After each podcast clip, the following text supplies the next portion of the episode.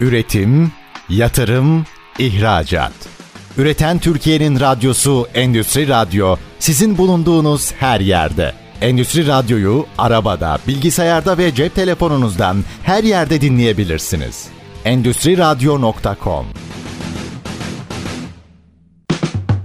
Çetin Ünsal'ın hazırlayıp sunduğu İşte Bunu Konuşalım programı başlıyor.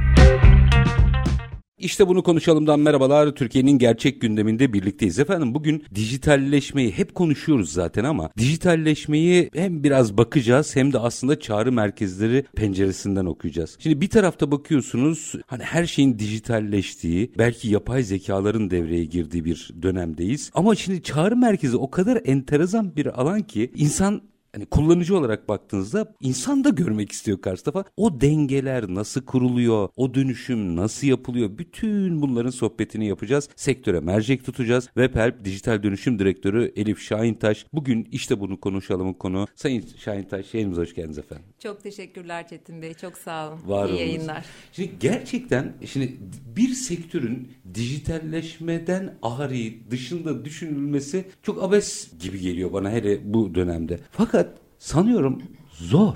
Şimdi çağrı merkezi dediğiniz zaman o denge nasıl kurulacak, nasıl yapılacak bilmiyorum ama çağrı merkezi sektörü mesela bütün bu süreci nasıl yorumluyor? Buradan başlayalım isterseniz. Tabii. Öncelikle çağrı merkezine gelmeden önce çok kısa çok kıymetli olduğunu düşünüyorum. Dolayısıyla bir dijital dönüşümün ne olduğunu çok kısa tanımlamakta fayda var. Çünkü dışarıya çıktığımızda röportajları, makaleleri dinlediğimizde herkesin dijital dönüşümden anladığı ifade çok farklı. Bir de çok uzman var. Herkes biliyor.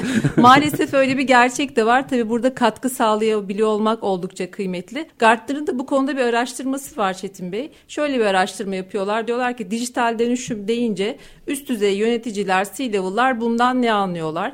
Şimdi buzdağı hayal edin. Buzdağının bir görünen kısmı var. Şimdi anlatacağım hikayede biz o %7'ye odaklanıyoruz aslında. Bir de arka tarafta %93'lük görünmeyen buzdağının altısında bir dünya var. Asıl hedef de orası. Evet asıl hedef orası ama bizim orayı kaçırdığımız yer de burası. İşte diyoruz ya herkes dijital dönüşüm ve dijitalleşmeyi konuşuyor. Her sektörde de var olan bir şey. İşte burası ne? Şimdi görünen kısım bu hep üzerinde konuştuğumuz bu yapay zekalar, robotik otomasyonlar, metaverse dünyaları, chatbotlar, görüntülü görüşme, Wazebot, ses teknolojisi pek çok teknoloji var konuştuğumuz. Bunların her biri görünen kısımda. Ama alt dünyaya baktığımızda bu sistemlerin kendi arasındaki etkileşimleri ve konuşması, şirket içindeki kültürel farkındalık yani dijital dönüşümdeki farkındalık biz ona biraz dijital okur yazarlık da diyoruz aslında. Dijital okur yazarlık, e, güvenlik, uçtan önce müşteri deneyimindeki değişiklik aslında yolculuk. Bunların her biri de görünmeyen kısmı giriyor. Yani Dolay- aslında alttan geliyor baskı. Alttan geliyor baskı ama biz o baskıyı görmeden hep yukarıdaki görünen kısma odaklanıyoruz. Ve sonrasında da en fazla gördüğümüz hikayelerde çok başarılı olmayan, dijital dönüşümün doğru yere gitmediği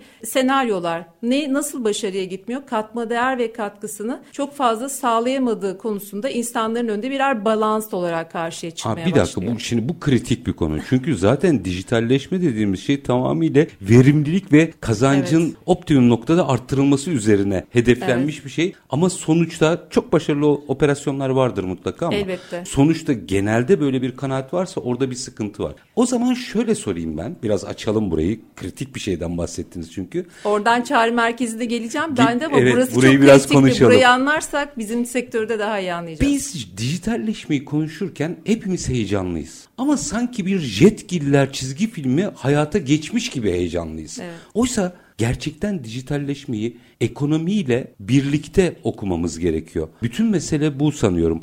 Dijitalleşmeyi ekonomiyle birlikte okumayı mı becermekte sıkıntılarımız var? Belki oradan ele almak lazım. Elbette ki temelinde aslında ne bir hikayeden belki Çok güzel olur. ilerlemek, devam etmek önemli olacak. Firmaların aslında en önemli yaptığı şeylerden bir tanesi bu farkındalık noktasında önündeki engelleri anlamıyor olmaları. Dolayısıyla nasıl bir noktaya geliyor? İnsanlar işlerinin ellerinden alınacağı kaygısı ve endişesiyle birlikte bir takım Defansa defanslara başlıyorlar. Dolayısıyla siz orada bir takım çözümler, sistemler kurmaya başladığınızda insanlar işte otomasyonla elim işte, işler elimden gidecek ya da artık eski değerim ve katma değerim görünmüyor olacak endişesiyle birlikte bir takım insansal defanslara ulaşmaya başlıyoruz. Dolayısıyla dijital dönüşümün önündeki bu engelleri aştığımızda her sektörde olduğu gibi bizim sektörde de çok öne açık ve olması gereken bir dünya. Jetgillerde aslında hayal olmadığını görüyoruz. Yani Evet. şimdi tekrar bir izlediğim zaman ara ara benim de çok sevdiğim şeyi vardı. Gelecekle ilgili de çok güzel notlar da veriyor bir anlamda. Aslında birçok noktaya da geldiğimizi ve gözlemlediğimizde görüyoruz bu anlamda. Bizim sektöre yönelik baktığımızda da her sektörde olduğu gibi bizlerde de dijitalleşme, dijital dostu çözümlerle müşteri deneyimi yolculuğunu katıyor olmak oldukça ve önemli. En çok da robotik otomasyon süreçleri, yapay zeka tabanlı bir takım çözümler ve ses teknolojileri bizim sektörümüzde en önemli öne çıkan teknolojiler gibi görünüyor. E, ses teknolojinin özellikle altını çizmek istiyorum. Bizim için çok önemli, iş ortaklarımız için çok değerli. Çünkü burası bizim müşterinin sesi dediğimiz yer aslında. Müşteri marka ile ilgili konuşuyor sizinle. Hayallerini, şikayetlerini, beklentilerini, isteklerini hepsini anlattığı o big data dediğimiz dünyada çok büyük bir veri veriyor size. Aslında yazaraktansa konuşarak, Konuşarak çok veriyor. daha hızlı veri Aynen akıtıyor öyle. aslında. Çok daha büyük bir veri akıtıyor. Peki fark yaratan markalar burada neyi yapıyorlar? İşte bu akıtmış oldukları sesleri tekste çevirerek üzerinde analitik bir takım çalışmalar yaptığınızda aslında müşterinizi tanımaya başlıyorsunuz, hizmetlerinizi anlamaya başlıyorsunuz. Nerede iyi, nerede gelişim alanı olduğunuzu anlamaya çalışıyorsunuz. Bizim de burada aslında yaptığımız müşterilerimize en büyük katma değeri sağlayacağını inanarak paylaştığımız nokta ses teknolojilerinde bir noktada ileriye getirebiliyor olmak müşterilerimize. Orayı birazcık daha uygulamasını böyle baştan sona açabilir misiniz? Tabii. Mesela şöyle hayal edin. Müşteri temsilcisiyle konuşuyorsunuz. Müşteri temsilcisiyle konuşuyorken size diyor ki bana dün bir mesaj geldi. İşte kredi kartı borcum olduğundan bahsediyor. Şu kadar bir meblağ. Son tarih şu söylemiş. Ama işte resmi tatil giriyor. Ben şu an ödeyemeyeceğim. Ne yapıyorum? Sizi kaç kere aradım ulaşamadım. İşte beni supervisor'ınıza iletin. Bir şikayet hikayesi hayal edelim. Burada ne kadar çok konu var aslında. Borcunu şey yapamadığı için ödeyemediği için problemli bir müşteri var. Diyor ki supervisor'a beni taşımalısın diyor gibi. Altında pek çok bir hikaye var aslında. Artı bir mağduriyet var belki iyi de. niyet var. İyi Borcunun niyet peşine var. düşmüş. Evet peşine pek çok şey var. Şimdi bunları ve böyle gün içinde gelen binlerce veri olduğunu hayal edin. Bir tane değil. Kalite çalışmalarında insan odağında yaptığımız işlerde ne oluyor? İşte binlik datanın içerisinden en fazla bir insan 10 taneyi dinleyebilir. 10 tanenin içerisinden müşteriniz hakkında yorum yapabilir. Ama bu ses teknolojilerini kullandığınız zaman hepsini tekste çevirdiğiniz için yani yazıya içinde pek çok sorgu yapabiliyorsunuz. Ne olabilir? Müşteri temsilcisi işte borç ödeme ile ilgili sorunu olan kişiler ya da supervisor'ına konuyu aktarmayı talep etmiş olan kimler ya da müşterinin sesine bakıp ses desibelinden, konuşma renginden kimler mutlu ayrılmış duygu analizleri, kimler mutlu ayrılmış, kimler üzgün kızgın ayrılmış, ne önermişler ne sevmişler. Yani marka hakkında müşteri ne hissediyor ne duyuyor hepsini bu konuşma teknolojileriyle birlikte artık anlamlaştırabiliyor ve oradan bir takım aksiyonlar çıkartabiliyorsunuz. Şimdi kritik nokta o. Bunları ben aldım, analiz ettim. Sonra Önemli olan kısım Ne işte o yapacağım? Çetin Bey. O dijital dönüşümdeki en önemli nokta da burası işte. Bir şeyi kurmak yeterli değil. Önemli olan bunu sürdürülebilir hale getiriyor olmak. Dolayısıyla ne yapacağız? Aksiyonlar belirliyor. Doğru sorgular, doğru sorularla buradaki verileri analiz ediyor olmamız lazım. Verileri analiz ettikten sonra da onları aksiyona çevirebiliyor olmak gerekiyor. Bu bir satış aksiyonu olabilir, pazarlama aksiyonu olabilir. Ürününü daha iyi bir yere getirmek için markanın alması gereken bazı iyileştirme adımları olabilir. Pek çok kriter olabilir. Yeter ki marka bu ne istediğini ve stratejisini biliyor olsun. Bizim de Webhelp olarak oradaki en önemli görev ve vaadimiz bu yolculukta iş ortaklarımızın yanında olup birlikte yürümek, bu konularda onların da vizyonunu açmak, dijital okur yazarlığı noktasında o yolculuğa birlikte çıkmak, dijitalleşen müşteri deneyiminde biz de burada bu hizmeti onlarla birlikte götürebilmekle ilgili bir takım çalışmalar yapıyoruz. bu operasyonda dijitalleştikçe ortaya çıkan verimliliği anlatabilecek noktaya geldik mi? Aslında rakamlarla konuştuğunuz zaman o verimliliği anlatmaya başlıyorsunuz. Robotik otomasyondan şimdi başka bir hı hı. hikayeye geçelim. Aslında pek çok teknoloji var çünkü hayatımızda. Biz şirkette robotları birer çalışan olarak robot çalışanlarımız var diyoruz. Çünkü içeride robotlarımız var. Hem bunları kendi şirket operasyonel verimliliğimizi ve maliyet kalemlerini bir noktaya getirebilmek için kullandığımız gibi müşterilerimiz için de kullanıyoruz. Robotlarla ilgili ne yaptık? Geçen sene yaklaşık 15 milyon dakikalık bir insanın üzerinde çalıştığında eritebildiği bir iş yükünü biz artık robotlarla 800 bin dakikalık bir süre çerçevesinde artık tamamlayabileceğimiz. Yarı yarıya.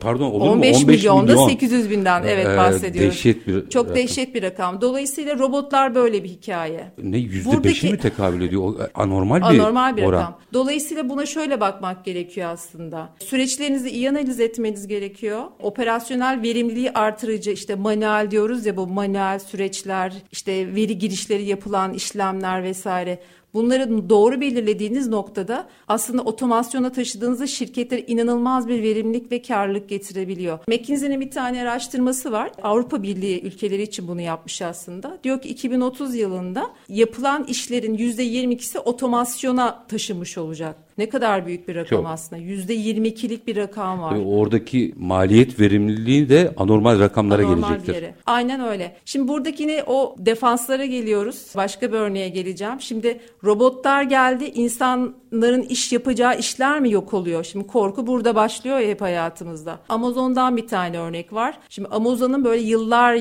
geçindeki bir takım raporları, rakamlarını verildiği bir rapor var. Rapor şunu gösteriyor. Bir T anında e, robot sayısı işte daha az, insan sayısı bir miktar yüksek. Ertesi seneye geliyorsunuz insan sayısı da bir miktar artıyor ama robot daha çok artıyor. Gitgide hem insan sayısının arttığı hem de robot sayısının arttığı bir evreye yaşıyor Amazon. Aslında ne yapıyor? Büyüme gerçekleştiriyor. Durun onu birazcık açalım ama bu örnekten şunu anlıyorum ben. Aslında robotlar çalışma arkadaşımız olarak kabul ettiğimizde işin doğru anlaşılamadığını düşünüyorum. Çok doğru. Robotları yöneten insanlar olarak yukarı yukarı yukarı gitmemiz gerekiyor. Bu da tabii zaten yetenek yönetimi, yetenek geliştirmeye Çok geliyor. Doğru, evet. Şimdi minik bir araya gideceğim. Aranın ardından bu boyutta belki orada ikna yöntemleri neler olabilir? Biraz onu açalım. Minik bir ara verelim. Aranın ardından Webhelp Dijital Dönüşüm Direktörü Elif Şahin Taş'la sohbetimiz devam edecek. Lütfen bizden ayrılmayın.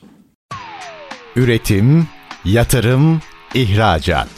Üreten Türkiye'nin radyosu Endüstri Radyo sizin bulunduğunuz her yerde. Endüstri Radyo'yu arabada, bilgisayarda ve cep telefonunuzdan her yerde dinleyebilirsiniz. Endüstri Radyo.com Kısa bir aranın ardından işte bunu konuşalım demeye devam ediyoruz. Konuğumuz Webhelp Dijital Dönüşüm Direktörü Elif Şahintaş. Dijitalleşme alanında yaşanan gelişmelerle başladık. Bunun özelinde çağrı merkezi sektörüne de gireceğiz ama Sayın Şahintaş araya giderken e, aslında en kritik konuyu belirttiğiniz defans. Aslında o paylaştığınız veri robotlar arttıkça robotu yöneten insanların sayısının artıyor olması galiba doğru okunması gereken mesele. Evet. Ama oraya gelene kadar o defansı nasıl yönetmek gerekiyor? Evet. İşte büyümenin oluşması için işte robotlarla insanların birlikte çalışacağı yeni iş ortamları aslında gelişen dünyamızda hayatımıza girmeye başlıyor. Bu da yine eğitimle ve farkındalıkla oluşabilen bir şey gerçekten. Dolayısıyla şirketlerin de buna yatırım yaparak aslında çalışanların birlikte işlerini dijitale çevirerek nasıl katkı sağlayabileceklerini, nasıl yeni bir dünya düzenine doğru gidebileceklerini doğru anlatabiliyor olması ve eğitimlerle de çalışanların yetkinliklerini değiştiriyor olması gerekiyor. Çünkü yetkinlik setleri de değişmeye başlıyor. Bunu hissettireceksiniz çalışana diyorsunuz. Kesinlikle öyle. Yani artık yeni dünyanın bu olduğunu insanlar bunu anlamaya da çok yatkın Çetin Bey. Yani biz bunu pandemide çok rahat gördük. Pandemiyle birlikte insanların alışkanlıkları değişti. Bizim o müşteri deneyimi dediğimiz dünya başka bir yolculuğa çıkmış oldu. İnsanlar çok daha dijital olmaya başladılar. Hepimizin telefonlarında olan pek çok uygulamalar var ve günümüz onlarsız geçmiyor. Aslında bir yerde biz de bir yerde cyborg olduk. Yani yarı robotlarız. Neden öyleyiz? Düşünsenize telefonunuzu almadan dışarıya çıktığınızda Bir gün nasıl geçirebileceksiniz? Her zaman bir uzvunuz sanki yokmuş gibi bir hissiyat var.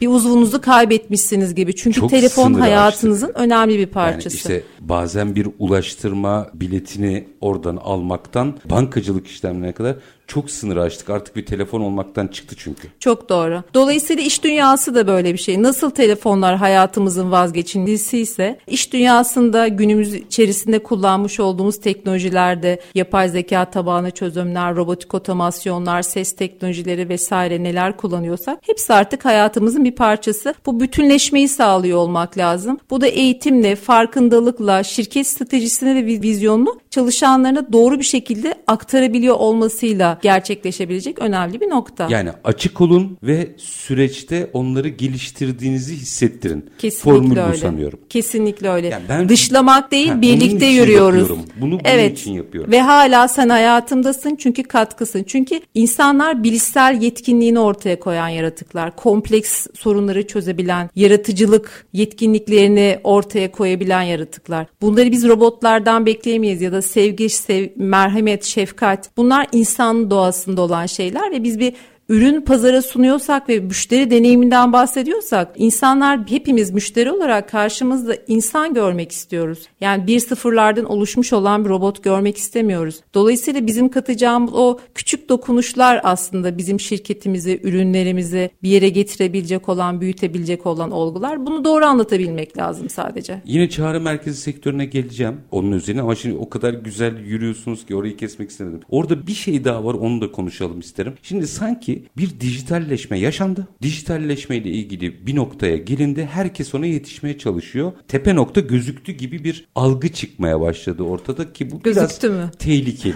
Çünkü hep yeni teknolojiler geliyor. Mesela yeni yeni hayatımıza neler geliyor? Onlardan da belki bir iki örnek vermek lazım. Tabii. Aslında şöyle teknoloji dediğimiz kavram 20 yıldır, 50 yıldır, 100 yıldır hayatımızda olan bir şey değil. Baktığınızda tekerleğin icadı da bir teknoloji. Keza. Gıdaları daha verimli kullanabilmemiz için tarımcılıkta yapılan araç ve gelişler de birer teknoloji. Tek fark 1989-90'lı yıllarda bu World Wide Web dediğimiz internetin hayatımıza girmesiyle birlikte bu teknolojinin gelişiminde logaritmik bir artış oldu. Bir tane araştırma var o da şey biliyorsunuzdur 50 milyon kullanıcıya her sektör ne kadar zamanda geldiği ile ilgili olan bir şey. Şimdi havayolu şirketleri 68 yılda gelmiş. Telefon şirketleri bunu 50 yılda gelmişler. Medya, dijital medya markaları 4 yılda gelmiş. Ama bir tane oyun var ki 19 günde gelmiş. Yani AI tabanlı, artırılmış gerçeklik tabanlı oyun 19 günde 50 milyon kullanıcıya ulaşmış. Bu logaritmik bir artış var Çocuğu dolayısıyla. olanlar oyunu biliyordur. Çocuğu olanlar bu oyunları biliyordur. Dolayısıyla böyle bir hız var sadece. Ama hayatımızda hep vardı. Hayatımızda hep olmaya devam edecek. Ve aslında sonu da yok. Hani bu metaverse dediğimiz bir evrenlerden de bahsediyoruz. Hani plasenk olmuş konulardan bir tanesi. Yine hepimiz aynı şeyi mi anlıyoruz soru işareti olmakla birlikte. Bunların da gittiği bir nokta var ama onun da ucu sonu yok. Yani ben böyle çözümleri anlatıyorken teknolojik çözümleri bir hayalle hep anlatmayı seviyorum ki hani o hayale giden yolculuğa gidebilmek var. Şimdi metaverse dediğiniz bir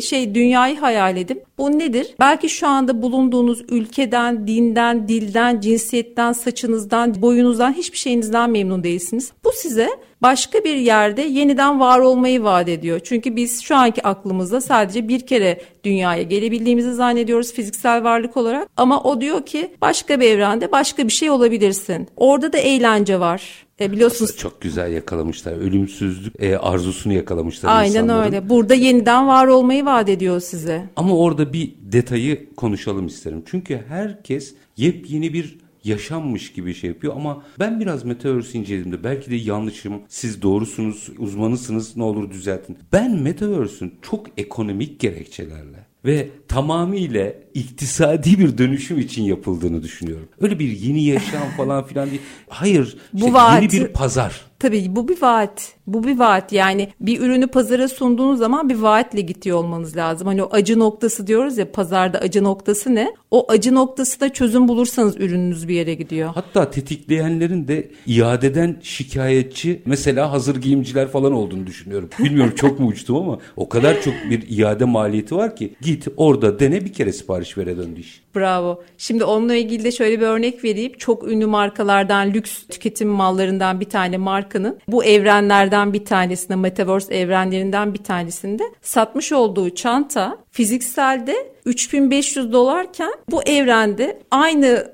çantayı tasarımıyla 4100 dolarlara satabiliyor. Yani Alın size düşünebiliyor ekonomi. musunuz? Tam dediğiniz gibi alınsı ekonomi. Şimdi ticaret yapan iş adamlarının bakışı yeni bir pazar yaratabiliyor olmak, yeni tüketim alışkanlıkları oluşturuluyor olmak. Bunu nasıl yapıyor? Pazardaki o pain point dediğimiz müşterinin ihtiyacı ne? Nereden ben bunu yakalayabilirimden yapabiliyor. O da yeniden var olabilmek, yeni şeyler yaratabiliyor olmak. Burada bir konser 27 milyon izlenmesi çok büyük bir rakamdır. 27 yani milyon gişeyi nerede yapacaksınız? 27 milyonu tamamen dijital yapıyorsunuz. Dolayısıyla yeni işler giriyor hayatımıza. Şimdi konu konuyu açıyor ama burada da yeni işler hayata giriyor. Yani burada bir konser organizasyonu yapmak için konser organiza metaverse dünyasını bilen konser organizatörleri, yeni pazarlama uzmanları, yeni işte tasarımcılar, işte bu şeyleri ki birilerinin bir o markaları içeride bir yerlerde tasarlıyor olması dediğiniz gibi yeni bir ekonomi yaratıyor aslında. Orada özellikle kargo sektörüne yönelik bir şey sormak istiyorum. Şimdi normal konvansiyonel hayatta artık herhalde şimdi elimiz ayağımız oldular. Evet orada dijitalleşmeyi sağlayabiliriz. Daha hızlı hizmet, daha hızlı veri akışı, memnuniyet, memnuniyetsizlik hepsi. Şimdi Metaverse buradan merak ediyorum. Herkesin her şeyi yapabildiği bir yerde mesela o sektör kendini nasıl konumluyor orada? Çok merak etmişimdir bunu. Evet bu güzel bir soru. Şimdi orada da şuna bakmak gerekiyor. Her sektör, her konu aslında teknolojinin değişim ve dönüşümüyle o da başka bir yerde konumlanma dünyasına gidiyor olması gerekiyor. Yani 1 ve 0 gibi bakmak bakmamak lazım. Veri, Veri başka bir nokta demek ki işini o yönde yeniden geliştirmesi gerekiyor kargo sektörünün. Şöyle hayal edin. Geçmişte hepimizin elinde birer fotoğraf makinesi vardı ve fotoğrafçılara gidip ve üstünde hepsini bildiğimiz isimler yazan markaya gidip orada e, tabi ettiriyorduk. Tabi etmek diye bir kavramın olduğu bir dünyadaydık. Şimdi oradaki dönüşüm ne? Dijitalde bu böyle olabilecek mi? Hayır artık telefonlarımız da var. Eğer ki o marka kendini dönüştürebilseydi ve bugün var olan dünyada hala fotoğraf çekme deneyimini ama başka şekilde sunabiliyor olsaydı varlığına devam Yok ediyor olmazdı. olmak var. Ya da yok olmak var. Dolayısıyla şu anda bizim hayal ettiğimiz dünyadaki kargo şirketi yine bu iş yapış şekliyle devam etmeye iddia eder ve ben bununla metaverse'e nasıl girmek istiyorum diye düşünürse o zaman üzgünüm demek o zaman gerekiyor. doğru mu anlıyorum? Buradaki geleneksel ortadan kalkmayacak veya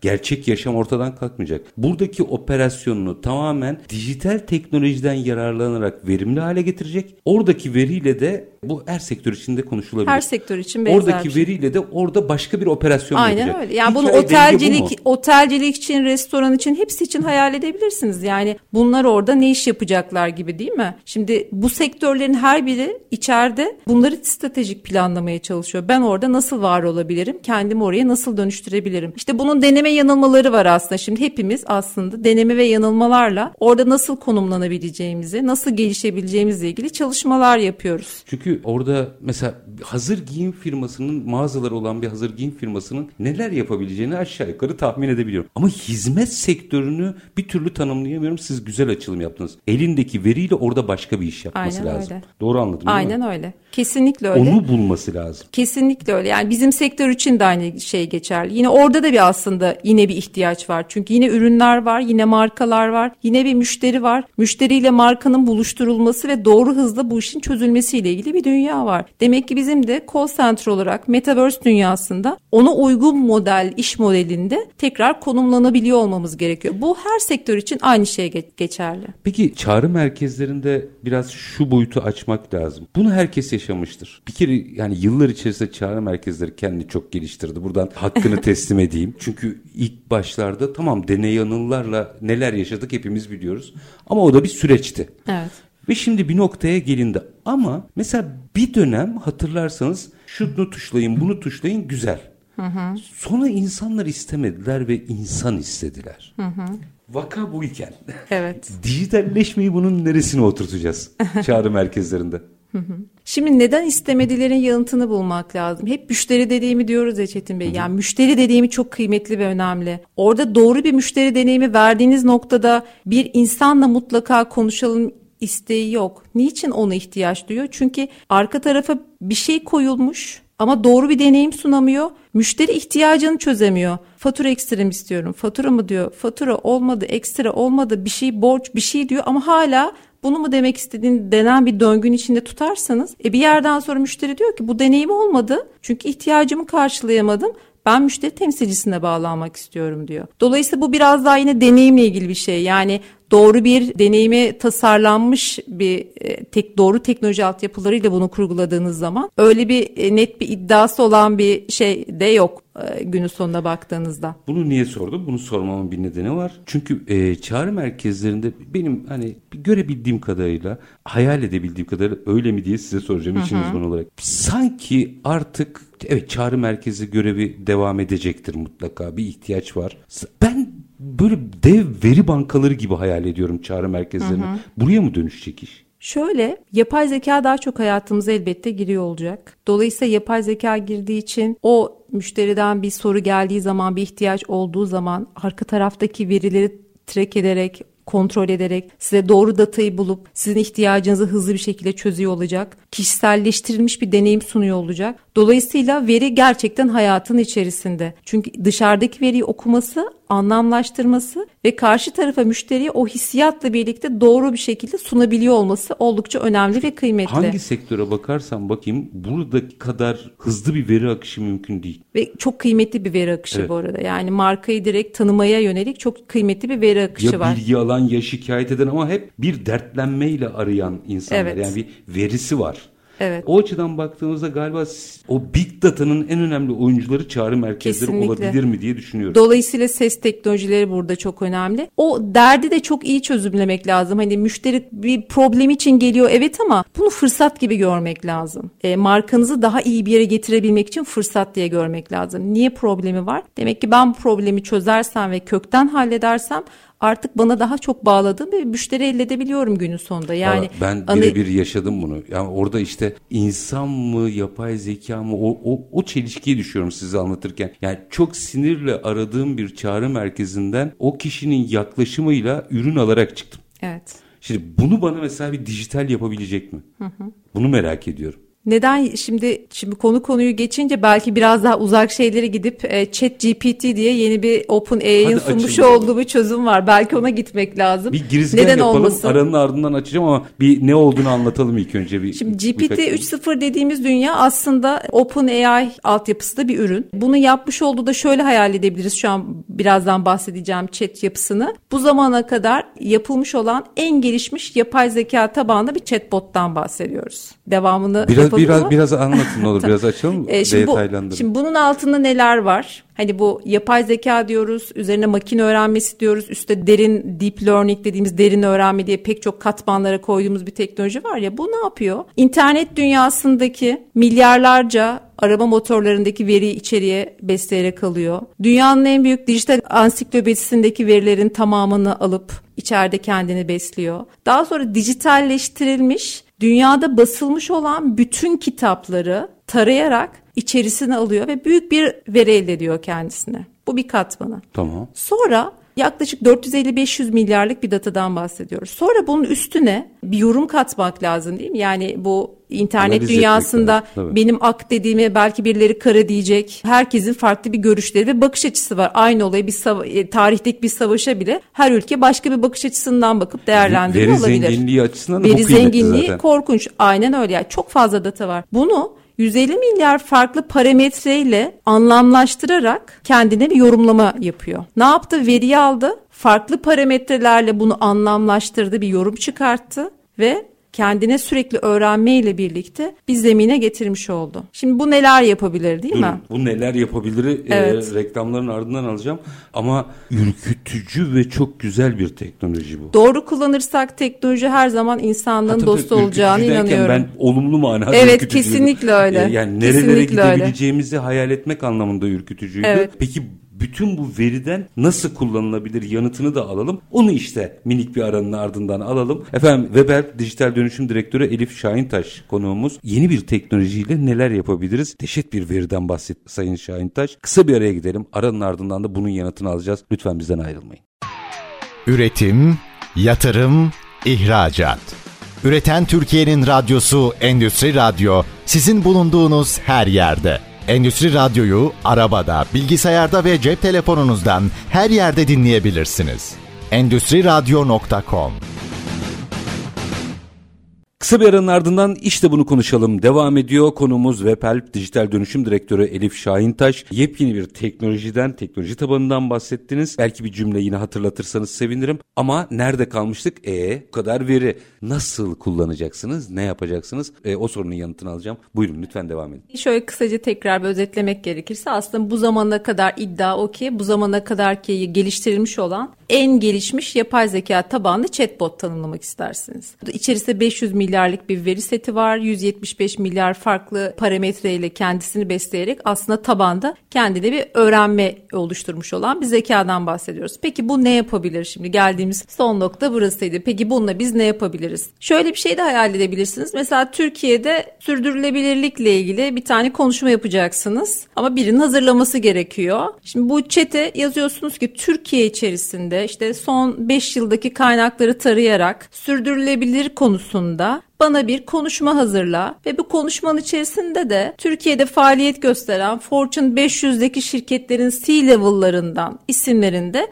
anekdotlarından ekle. Şimdi bu yapı ne yapıyor? Türkiye'deki verileri, sürdürülebilirlik makaleleri, yazıları, konuşmaları bakıyor. CEO'lardan kimle konuşmuşa bakıyor ve size istediğiniz çerçevede bir konuşma hazırlayarak sunabiliyor. Müthiş değil mi? İki sorum var bununla ilgili. Tam buradasınız Tabii bir... Bir, KVKK ne oluyor? Yani onu nasıl Hepsi internetteki veriler. Açık veri. Açık veriden geçti. yapıyor. İkincisi üslup. Orada da şu işin içerisine giriyor. Tabii ki daha bir genel bir şeyden bahsettiğiniz için belki kitaplarınız varsa kitaplarınızı verip bu üslupta yazın derseniz bir o yazarsanız çok hmm. daha mümkün tabii ki. İşte ben ünlü bir yazarım 4-5 tane 3 tane kitabım var. Bunları tara işte bir Elif Şahintaş'ın kitaplarındaki dile uyumlu bir şekilde konuşma diye referans gösterebiliyorsanız bunu da yapıyor. Ki bunun örneği var diyorsunuz. Bu, ki bunun da örneği var. Buna benzer şekilde eğer yoksa o kendi çerçevesinde yazıyor. Artık ona biraz dili oturtmak hani diyoruz ya bilişsel yetkinlik insanlara tabi diye. Orada kendi duygumuzu, kendi karakterimizi sunmakta o verin içerisinde biraz da bizlere kalmış oluyor. Yani bu o kadar büyük bir yapı ki aslında size kodlamalar da yapabiliyor. Hani no code, low code dediğimiz düşük kod temelli çalışmalar var ya. Mesela orada bir tane hayal ettiğiniz bir mobil uygulama cümleciyi kurun. İşte deyin ki servis işte servislerde çocukları indirip aldığı adresleri gösteren klasik bir uygulama hazırla dediniz. O kodu size gerçekleştiriyor ve kodun içerisinde de bazı notlar düşüp hani ben buraya şu sebeple şunu ekledim diye kodun açıklamalarıyla birlikte size bu kodu yayınlayabiliyor. Böyle bir dünyadan bahsediyoruz. İşte bu, bu yazılımcıyı ortadan kaldırır. Şimdi gelişen şimdi yazılımcı ortada şimdi hep hep bir, bir, bir üstü var aslında işin. Şimdi gelişen dünyada e, öncelikle şunu bir netleştirmemiz lazım. Bu no code low code'un da gidiş noktası bu. Sadece yazılımcılar değil aslında bir satışçının da bir pazarlamacının da farklı muhasebede de çalışan arkadaşın da herkesin kendi ihtiyacını görecek teknoloji çözümleri kullanabiliyor ve yaratıyor olması zaten başlangıç noktası. Yani siz burada muhasebede çalışan birisiniz ve de bir robot robota ihtiyacınız var. Mesela robot şimdi konudan konuya robotik otomasyon da benzer bir şekilde. Çok az bir kodlama bilgisine sahip olarak içerisinde siz ihtiyacınız olan otomasyonu gerçekleştirebiliyorsunuz Bilgisayar aslında. Bilgisayar kullanmak gibi. Bilgisayar kullanmak gibi. gerekiyor diyorsun. Aynen öyle doğallaşması gerekiyor. Kaldı ki pek çok şirket aslında biz de bu noktada bir takım eğitimlerle bu yolculuğa girmiş durumdayız. E, çalışanların hepsine robotik otomasyon eğitimleri vererek aslında her terzi kendi söküğünü diksin bakış noktasına gittiğimiz bir dünyadayız aslında. Sektörel veya iş alanınızın hassasiyetleriyle ona göre bir eğitim oluyor anladım. Aynen öyle. Herkes kendi eğitimini Herkes kendi eğitimini yapıp aa ben de bu manuellikler vardı bunları otomasyonla dökebilirim deyip kendi işini kendi yapsın diye. Şimdi bu onun diğer bir noktası gibi değerlendirilebilir. Dolayısıyla bilgisayar mühendisleri ne oluyor? Hayır onlara daha büyük bir daha büyük bir ulvi görev düşüyor. Yani bu chat GPT'nin oluşturulması, daha büyük verilerin, daha bir büyük hayallerin çıkması. Şu anda hayallerimizin ötesinde başka dünya ve teknolojiler de var günün sonunda. Bunların ortaya çıkartılması da bir çalışma. Belki bizim çıtamızı yükselttiğinde biz evet. hayal gücümüzde Aa, bu da olabilir diye üstüne biz koyacağız belki de. Ya şöyle düşünün 20 yıl evvel bugündeki teknolojilerin hepsinin ne kadarını hayal edebiliyorduk. İşte jetgil noktasında bir hayal yok, dünyamız renk vardı. Renk ayrımları devrimdi bizim için. Dört renk ayrımı. Şimdi onlar bile kalmadı. Aynen öyle. Dolayısıyla bunu da öyle hayal etmek lazım. Dolayısıyla onlar da başka bir nosyonda yine işlerine çok daha iyi bir şekilde devam ediyor olacaklar. Henüz daha Mars'a gitmedik öyle düşünelim. ya onların da hala işi var. Var. Doğru söylüyorsunuz. bir de yine bütün bu süreçlerin içerisinde mesela şimdi bunları konuştuğumuzda çok ulaşılmazmış gibi göz, gözüküyor. Ama mesela siz diyelim ki bir sektörde bunu uyguluyorsunuz mesela diyelim. Hı hı. Şunu nasıl kırarız? Bütün kaygım o. En küçük işletme bile. Hı hı. Ne zaman ne yaparsak benimle ne ilgisi var demeyi bırakır. Nasıl anlatacağız herkese? Bunun çünkü anlattığınız operasyon herkesin kendi iş hacmiyle ilgili bir durum, bir dijital yolculuğu olması gerektiğini anlatıyor. Ama belli bir noktada işte küçük bir e, dükkan benle bir ilgisi yok bu işlerin deyip çıkan çok insan hani var mıdır derseniz çok vardır, ben size şunu söyleyeyim ki. Anadolu'yu iyi dolaşan bir gazeteci olarak çok var diyebilirim. Çok doğru. Nasıl yapabiliriz? Aslında çok komplekslikleri basite indirgediğimizde yani basit bir anlatım diline çevirdiğimizde hayat kolaylaşıyor ya. Ben şunu da görüyorum. Şimdi robotik otomasyon diyoruz. Aslında çok da fazla karşıya gitmiyor. Yani nedir ki otomasyon dediğimiz şey? Yani fabrika endüstriyel robotların dışında çok hayal edemiyoruz. Ama onu şöyle anlattığınız zaman anlam ifade ediyor. Bak sen her sabah geliyorsun. X sistemine giriş kullanıcı şifreni girip giriş yapıyorsun. A sayfasına geliyorsun. Orada bir takım verileri alıyorsun. Sonra mailindeki bilmem ne verisiyle onu bir Excel'de topluyorsun. Onu filtreliyorsun. Şunu kaldırıp bunu ekliyorsun ya. Sonra da ondan bir grafikler çıkartıyorsun mesela. Sonra da Ahmet Mehmet yöneticilerine bunu mail atıyorsun ya her sabah. Ve bunu her sabah 8.30'da yapman gerekiyor. Bak böyle bir süreç var. Bunu sen robotla yapabilirsin diye anlattığınız zaman karşılık buluyor hikayede. Sana da zaman kalıyor başka iş yap. Evet şimdi o, o zaman anlıyor. Robotik otomasyon ne demekmiş? Ha ben sabahları kalkıyordum bunu bunu yapıyorum. İşte şöyle bir raporlama hazırlıyorum. Binlerce datanın içerisinden şunu siliyorum, sortluyorum falan. Ha bunları yapan şeymiş demek robot. Yani çünkü Bunu doğru anlatırsanız ona karşılık buluyor. Diyor ki evet bende de bu sorunlar kıymetli var. Kıymetli bir şey söylüyorsunuz. Çünkü robotik otomasyon dendiğinde hep herkesin aklına fabrikalar geliyor. Aynen öyle.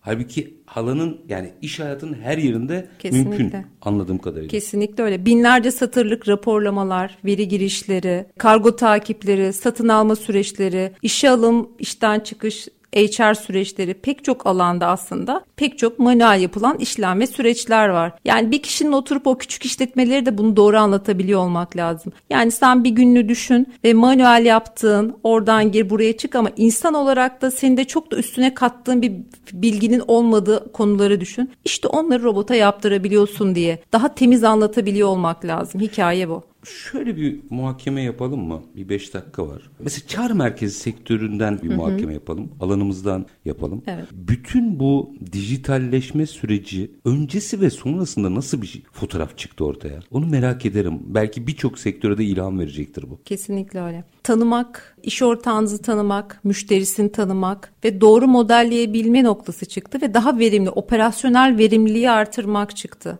Çünkü teknoloji hayatınıza süreçlerinizin içine konumlandırdığınız zaman çağrı merkezine çalışan arkadaşlarımız dahil olmak üzere hepimizden olabildiğince operasyonellikleri çekip gerçekten yapmaları gereken yani katkı ve katma değer sağlayabildiği noktaları onları odaklayabildik. Dolayısıyla burada verimlilikte artış, verilerle birlikte konuşabilme, işte o veri okur yazarlığı, niçin bu iyi, niçin bu kötü, neyi ne yaparsam daha iyi olabilir verilerle karar verebileceğimiz bir dünyaya getirdi. Biz bunu aktif olarak içeride şu anda kullanıyoruz dolayısıyla. Ve getirisi de oluyor tabii yani şey verimlilik getirisi. Kesinlikle günümüz döneminde düşündüğünüzde en önemli iki tane parametre var. Her bir marka marka için, hepimiz için bir operasyonel verimliliklerimizi artıralım, iki maliyetlerimizi düşürelim. Bu noktada da doğru bir çözüm, deneyim sunduğunuz noktada hepsini alabileceğiniz bir çözümden bahsediyoruz aslında. Çağrı merkezleriyle ilgili yıllar içerisinde gördüğüm en enteresan şey çok fazla personel kaybı var. Ama bu şey değil. Yani şirketten şirketeden bahsetmiyorum. Kastettiğim sağlık olarak bir süre sonra insanlar orada çalışamıyor. İşte bu bahsettiğiniz dijitalleşmeyi eğer devreye sokarsak biz çok kalıcı bir insan kaynağını şirketlere sanki yerleştirebileceğiz gibi geliyor. Çok mu uçtum? Çok şöyle bir örnek vereyim size aslında pandemiyle birlikte hepimiz bir anda biliyorsunuz hepimize bir mesaj geldi artık yarın itibariyle evlerimizdeyiz evden çalışıyoruz dediğimiz bir hızlı bir dönem yaşadık. Biz orada en hızlı bir şekilde bütün çalışanlarımızı, müşteri temsilcilerimizi donanımlarıyla, altyapı, internet altyapılarıyla evine taşımaya başardık. Bu aslında sonrasında... Hazır olmakla ilgili ama. Hazır olmak, evet aynen öyle. Hazır olmakla hazır ilgili. Hazır olmasaydınız bunu yapamazdınız. Kesinlikle öyle. Dolayısıyla hep işte geleceğe bugünden yatırım yapıyor olmak oldukça kıymetli ve önemli bir noktada. Şimdi gelinen noktaya günümüze baktığınız zaman aslında insanların evden çalışabileceği bir istihdam yarattık biz. Yani günümüzde de baktığımızda ofisten çalışan müşteri temsilcilerimiz olduğu gibi halen evden devam ederek aynı kalitede hizmetini veren çalışma arkadaşlarımız mevcut. Dolayısıyla onlara da aslında yeni bir deneyim, evlerindeki o düzenlerinin bozulmadan e, istihdam edebileceğimiz yeni kaynaklar yaratabilmiş olduk. Bu da tabii ki teknolojik altyapının bize sağlamış olduğu şey. önemli getirilerden bir tanesi. Orada umutlandığım nokta şu. Çünkü bu sirkülasyon, sektördeki sirkülasyon. Son dönemde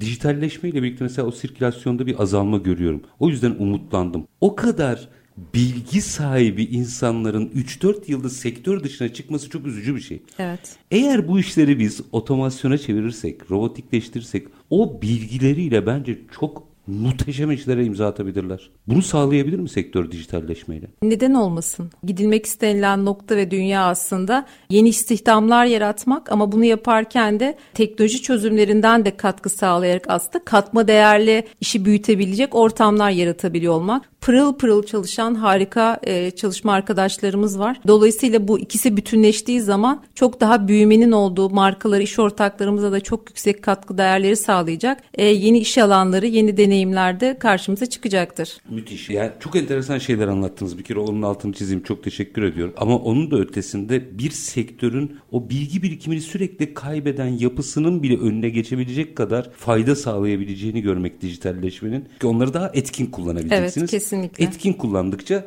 yükseldiklerini hissedecekler Aynen ve daha öyle. çok sektörün içinde Üretmek kalacaklar. Üretmek her insan için en çok önemli kıymetli etken. bir şey. İşin bu boyutuna kadar konuştuk. Doyamadım ben ama süre bitti. çok teşekkürler. Ee, çok enteresan çok şeyler anlattınız gerçekten. Çok teşekkür ediyorum. Ben teşekkür ediyorum. Çok güzel bir sohbet oldu sizinle. Çok sağ olun. Sizler de var olun efendim. Ben de aynı fikirdeyim. Çok keyif aldım. Umarım sizler de bizleri dinlerken keyif almışsınızdır. Dijitalleşme alanında yaşanan gelişmeleri biraz hem dijital dünyanın dönüşümü hem çağrı merkezi sektörüne etkileri üzerinden çağrı merkezlerini örneklendirerek diğer sektörlere ilham vererek konuştuk. Konuğumuz WebHelp Dijital Dönüşüm Direktörü Elif Şahintaş'tı. Biz her zamanki gibi bitirelim. İşinizi konuşun, işinizle konuşun. Sonra gelin işte bunu konuşalım. Hoşçakalın efendim.